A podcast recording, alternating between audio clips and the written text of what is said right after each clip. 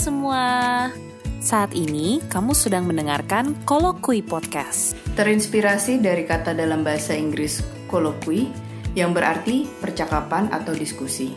Harapan kami, podcast ini dapat menjadi wadah untuk berbagi, ngobrol santai dan terbuka tentang menghidupi iman Kristiani sebagai orang muda Katolik.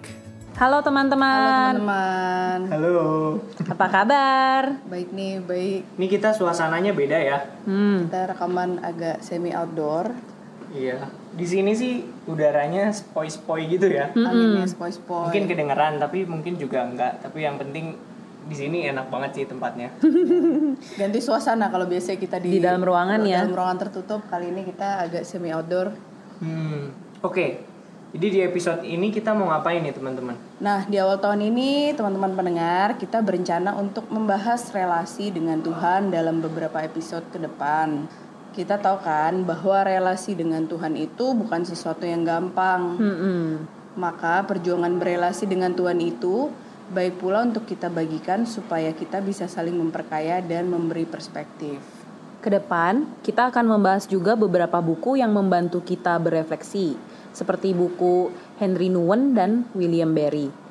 Tapi, sebelum memulai membahas beberapa tema relasi dengan Tuhan di episode-episode mendatang, kini kita mau share sedikit nih perjalanan rohani kita masing-masing. Nah, karena kita punya perjalanan rohani masing-masing, mungkin kalau kita udah bisa sharing soal perjalanan rohani kita, teman-teman pendengar juga bisa merasa ditemani gitu ya dengan cerita-cerita kita. Jadi kita ngobrol aja soal gimana sih kita berjuang membangun kedekatan dengan Tuhan, sampai akhirnya kita bertiga sepakat memulainya bersama dalam sharing dan persahabatan di podcast ini. Eh, daripada lama-lama, boleh yuk kita mulai. Gimana sih perjalanan rohani kita masing-masing? Eh, yang mau mulai siapa nih? ini dulu nih, ini. Oh, iya, ini Boleh, aja. dari Oke, aku ini dulu. ya. Aku cerita sedikit tentang latar belakangku ya. Jadi dari kecil aku udah dibaptis Katolik waktu umur 3 tahun. Terus em, bertumbuh nggak terlalu aktif di dalam gereja, nggak pernah jadi misdinar. Terus kalau ke gereja ya ngikut sama mama, ikut ke gereja cuma untuk misa dan kegiatan di luar dari itu nggak ada. Terus aku juga masuk SMP dan SMA sekolahnya sekolah Kristen Protestan terus saat selepas dari SMA karena udah nggak ada pelajaran agama nih waktu di kuliah lumayan mengabaikan imanku gitu. Pergi gereja tetap tapi di satu sisi nggak bisa merasakan doa itu sebagai sesuatu yang esensial dalam hidup aku. Sampai akhirnya di 2014 aku ada terdorong nih udah lama banget nggak ikut retret gitu terakhir SMA gitu.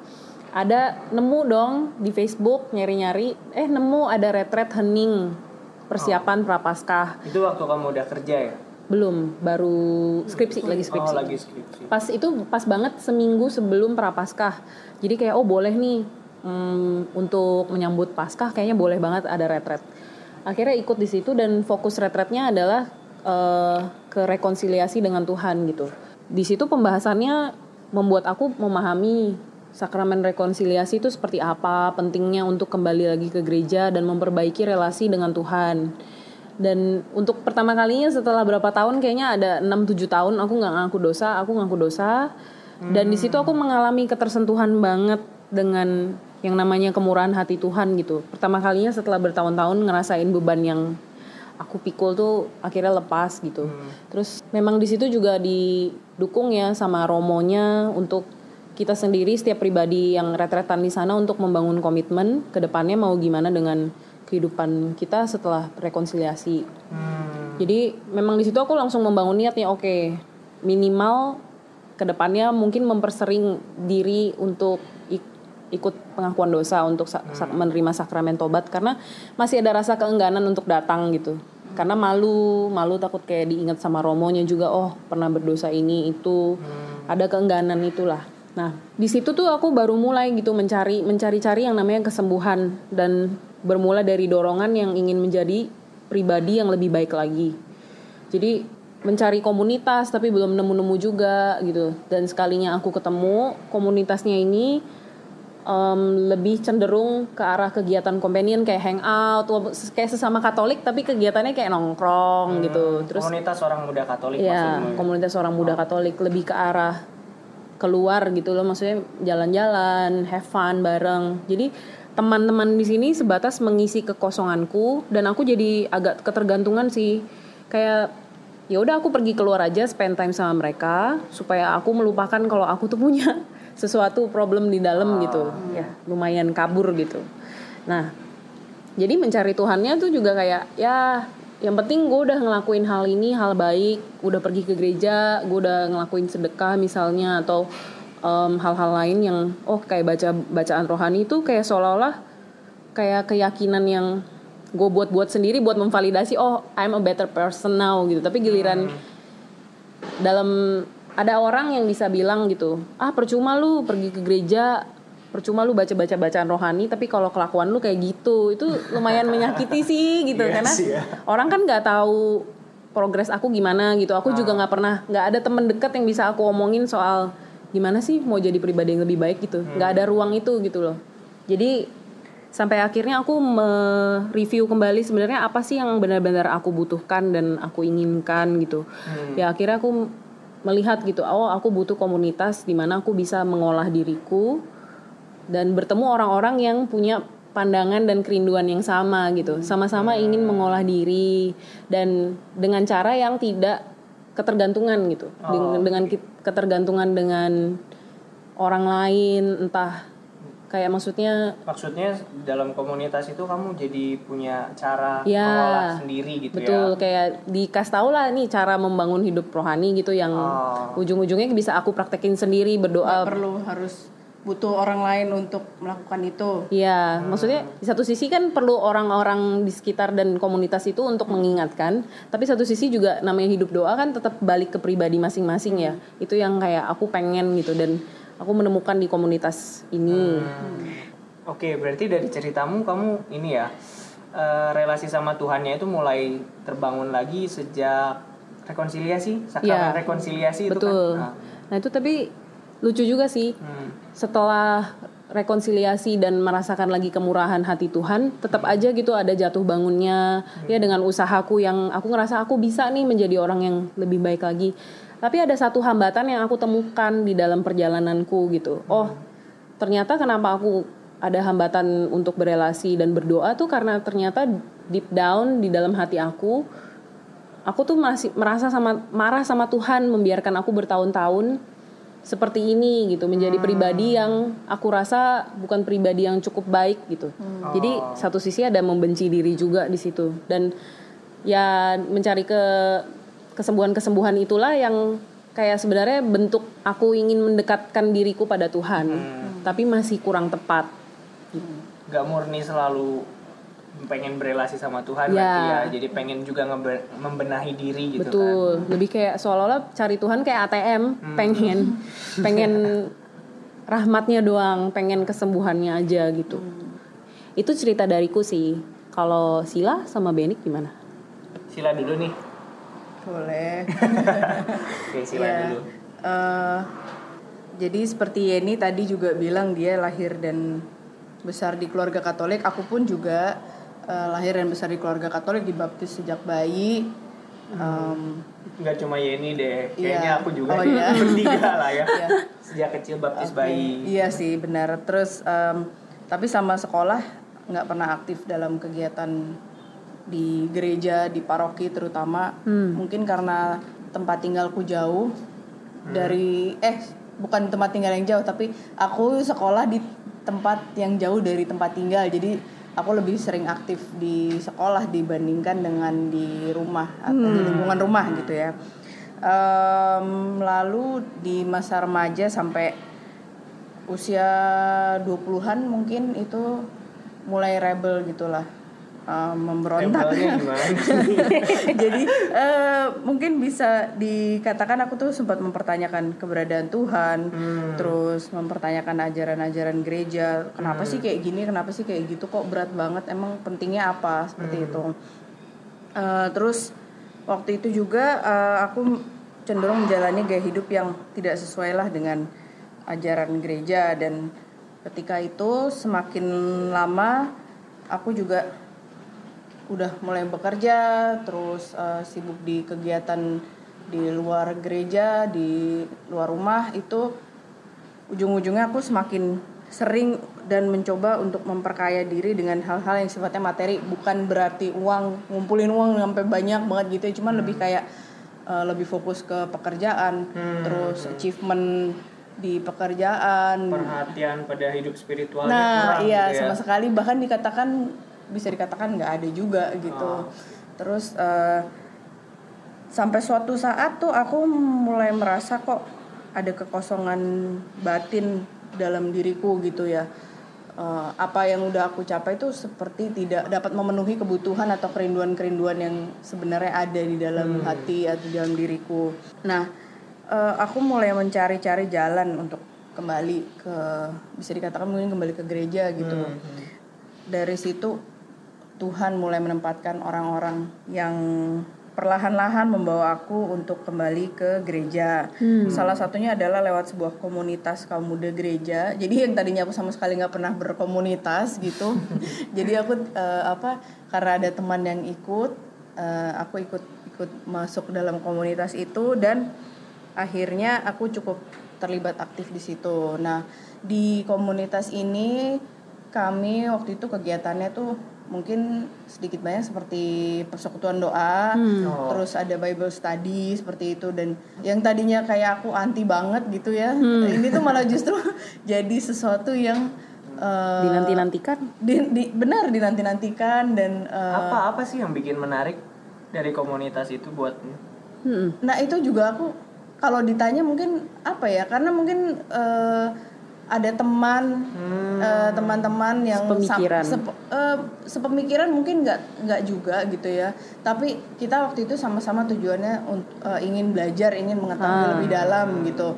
Kebetulan juga cara pembawaan materi atau cara kita Bible study waktu itu tuh juga cukup menarik gitu disampaikan. Jadi nggak hanya baca kitab suci terus dibahas tapi ini ada semacam programnya gitu. Dan itu jadi lebih menarik dan aku juga menjadi seperti belajar lagi berbagai hal tentang iman Katolik dan banyak hal yang tadinya justru aku pertanyakan di awal-awal itu menjadi lebih make sense gitu loh. Oh tadi ternyata kenapa seperti ini? Alasannya ada gitu. Dan lewat orang-orang inilah aku menjadi sadar bahwa aku adalah seorang pribadi yang dikasihi oleh Tuhan. Nah, gitu. Itu jadi awal perjalananku itu di kota mana sih Eh, di luar Jakarta. di luar Indonesia waktu itu aku keadaannya sedang Merantau. eh, studi di luar Indonesia dan Oh. kebetulan bertemu dengan komunitas ini gitu. jauh-jauh dari Indonesia malah disuruh pulang ya Iya. pulang dalam arti Pulang rohani ya Iya. Mungkin itu juga jalan Tuhan menarikku kembali. Iya. Kalau Frater gimana Frat? Ya kalau aku aku jadi sama sih pengen berangkat ceritaku dari keluarga aja Eh, karena aku adalah orang anak yang dibaptis sejak kecil dan orang tuaku itu cukup aktif di kegiatan menggereja Hmm. maka aku dididik dengan cukup kuat doa-doa Katolik gitu ya. Misalnya, jadi kalau dulu kan kalau mau UN, ibuku tuh selalu nemenin aku jam 12 malam bangun untuk doa novena harian. Wow. Suci Wow. banget ya. Hmm. Luar biasa loh. Itu. Terus misalnya yang lain, em, pernah ada masa beberapa bulan di mana keluargaku tuh punya waktu bersama setiap akhir hari Hmm. eh, baca bacaan hari itu dan menyampaikan doa permohonan masing-masing gitu. Hmm. Jadi ya atmosfer keluarga yang macam itu membuatku punya em, devosi yang kuat lah ya. Hmm. Nah perjalanan relasiku sama Tuhan itu dimulainya dari sana gitu. Ketika aku mulai punya kebiasaan doa dan yang devotif Hmm. itu kulanjutkan juga ketika aku SMA. Nah, meskipun dari keluarga ada basic doa yang baik, tapi aku juga punya warna pribadi yang senang memendam. Hmm. Jadi misalnya ada masalah-masalah pribadi nih, aku nggak langsung cerita ke orang tua, Hmm. nggak nggak penting lah cerita ke orang tua ya udahlah itu untuk diriku sendiri. Nah makanya dalam relasi sama Tuhan juga kalau aku doa ya aku lebih banyak misalnya doa salam Maria diulang itu lebih adalah doa gitu buatku daripada misalnya cerita tentang keadaan batinku kayak gimana Hmm. Nah, baru pada saat SMA, karena SMA aku seminari ya, aku dapat pemahaman tentang berdoa sama Tuhan itu nggak selalu salam Maria, nggak selalu harus novena, nggak selalu harus rosario gitu. Berdoa dengan Tuhan itu juga bisa dengan tulisan, refleksi, Hmm. juga bisa dengan bagaimana aku mengatakan uh, hidupku dalam doa. Itu sih jalan itu yang diajarkan di seminari bagaimana aku bisa berrelasi dengan Tuhan secara personal yang membuatku tersentuh gitu. Bisa berrelasi sama Tuhan. Jadi gini sih, aku sekarang mulai sadar, mulai menemukan pola doa relasiku dengan Tuhan tuh lewat jurnal harian. Di jurnalku itu sering aku nulis semacam nulis surat untuk Tuhan gitu ya. ya Tuhan hari ini aku. Nah kayak gitu justru menambah kedalaman relasiku sama Tuhan. Gitu sih. Jelas ya? Iya, menarik juga ya Frater bahwa salah satu poin yang kamu temukan dalam perjalananmu itu adalah bahwa untuk berdoa itu tidak harus selalu dalam bentuk doa-doa hafalan atau doa-doa devosi yang Hmm, eh, kayaknya ini juga banyak orang yang belum menyadari hal itu atau mungkin Iya. belum pernah tahu bahwa doa juga bisa kita lakukan dengan cara yang lain seperti dengan berefleksi kayak gitu. dengan menulis juga. Ya, Sebenarnya yang bikin kamu merasa lebih serak dengan cara berdoa lewat tulisan tuh apa ya, Frat? Manfaatnya yang kamu rasain gitu. Hmm, Karena kan kamu terbiasa dengan doa-doa bareng mamamu gitu. ya. Eh, ini juga kali ya karena aku tuh sen nggak nggak gampang cerita ke orang dan bukan dan sejak kecil itu bukan jadi kebutuhanku untuk cerita Hmm. Tapi ketika aku merasakan punya teman untuk cerita dalam arti ini Tuhan ya. Hmm. Jadi Tuhan jadi tempat ceritaku itu justru buatku lega, membebaskan. Lalu gini, kalau kita ngobrol sama orang kan harus mikir nih, harus Hmm. mikir gimana supaya orang itu nggak punya prasangka buruk ke aku atau gimana mungkin orang tanggapan itu- orang itu kayak Iya gimana gitu benar. Gimana tanggapan dia gitu? Apa dia sakit hati kalau aku cerita gitu? Hmm. Tapi kan kalau aku cerita sama Tuhan, aku ngerasa wah bebas gitu cerita apa pun bahkan Hmm. ya kadang-kadang nangis sih Iya, dalam doa apa-apa. gitu. Dan itu membebaskan sih buatku. Jadi aku Hmm. bisa bisa share apa pun dan merasa Diterima. diterima, didengarkan gitu. Hmm. Nah, lebih jujur aja juga gitu Hmm. daripada doa yang pakai rumusan biasa. Meskipun itu bukan hal yang buruk ya. Ya. Itu pun itu Tetap pun dilakukan. baik, tetap dilakukan. tapi Tapi ada cara lain juga. tapi serak nggak serak kan kita juga yang tahu. Hmm. Kadang-kadang buatku sendiri doa yang hafalan atau devosi itu membantu sih ketika nggak tahu mau berkata apa. Iya, Karena Ya, ya, benar, benar. benar. Karena doa yang sudah ada ya untuk apa di kita ngarang-ngarang lagi kalau misalkan kesulitan untuk menemukan kata-kata. Iya, kayak dipuji syukur kan banyak ya doa Iya. untuk apa sebelum belajar. doa Tapi ini. diem pun doa loh. Iya. Iya nggak? Betul. Ya itu juga yang aku temukan kan. Hmm. Kita kan udah sharing ya bertiga soal perjalanan rohani kita masing-masing. Di sini ada yang suka naik gunung nggak? Aku baru pernah sekali. Sila udah sering nih. Oh, Sila sering ya. Nah, Lumayan. Eh, aku su- suka naik gunung sih. Jadi aku sendiri menganalogikan perjalanan rohaniku pribadi itu juga sebagai perjalanan naik gunung gitu. Hmm. Kadang kan juga ada turunan, ada tanjakan. Kalau turunan tuh aku sebut bonus. Kamu nyebut bonus juga? Bonus tuh kalau datar. Oh, Aku datar. turunan itu kadang suka nggak balance. Jadi Bonus tuh maksudnya gimana? bonus tuh kalau jalanannya datar. Iya. Ya. Kan Turunan naik- bisa sih, cuman kadang kalau turunnya agak curam itu agak ngeri juga tuh. Oh jadi kayak nggak perlu effort gitu ya? Ya, Bonus itu jalan bonus. biasa tuh. Oh, bonus. ha, ha. Naik gunung kan ada bonusnya juga. Iya. Ketika kita sama Tuhan relasinya lempeng-lempeng aja, baik atau menyenangkan gitu ya bagi Hmm. kita. Tapi juga kadang effortnya tuh harus lebih gitu. Itu di Merbabu ya ada satu trek kalau kita naiknya dari uh, Salatiga, Hmm. ada yang trek harus Grappling gitu ya. ya vertikal banget gitu. Kita Ah. harus uh, Kayak semi manjat gitu ya? ya semi manjat gitu loh. Uh-huh. Kadang-kadang gitu juga kan Hmm. dalam relasi. Aku sendiri ngerasa nggak lurus-lurus amat kering gitu Hmm. bosan bahkan sama Tuhan jadi macam ya meskipun kering harus tetap doa lah jadi Iya, ya betul. macam naik gunung gitulah ya nah tapi juga kadang kita kalau naik gunung juga nemu bunga edelweiss. Tahu kan ya? Bunga Tahu, tahu, edelweiss. tahu. bunga abadi gitu. Itu menarik sih. Meskipun nggak boleh diambil tapi seenggaknya kita nikmati sebagai pengalaman kita naik gunung. Aku merasa ada banyak kemiripan. Ketika aku naik gunung berjalan eh, ke puncak gunung dan turun gunung itu sama seperti relasi dengan Tuhan yang penuh dinamika Dengan sharing kita bertiga satu sama lain, aku sendiri merasa kita tuh saling menemani satu sama lain menjadi sahabat perjalanan gitu. Kalau teman-teman juga merasa ingin ditemani dan merasa kami dapat menjadi teman seperjalanan kalian, mari kita berjalan bersama. Yuk kita juga sama-sama berefleksi tentang perjalanan rohani kita. Karena kita nggak harus mulai perjalanan rohani kita dari titik awal yang sudah baik kok. Misalnya teman-teman pendengar sekarang dalam situasi yang kering gitu, ya nggak apa-apa, kita jalan bareng. Gitu.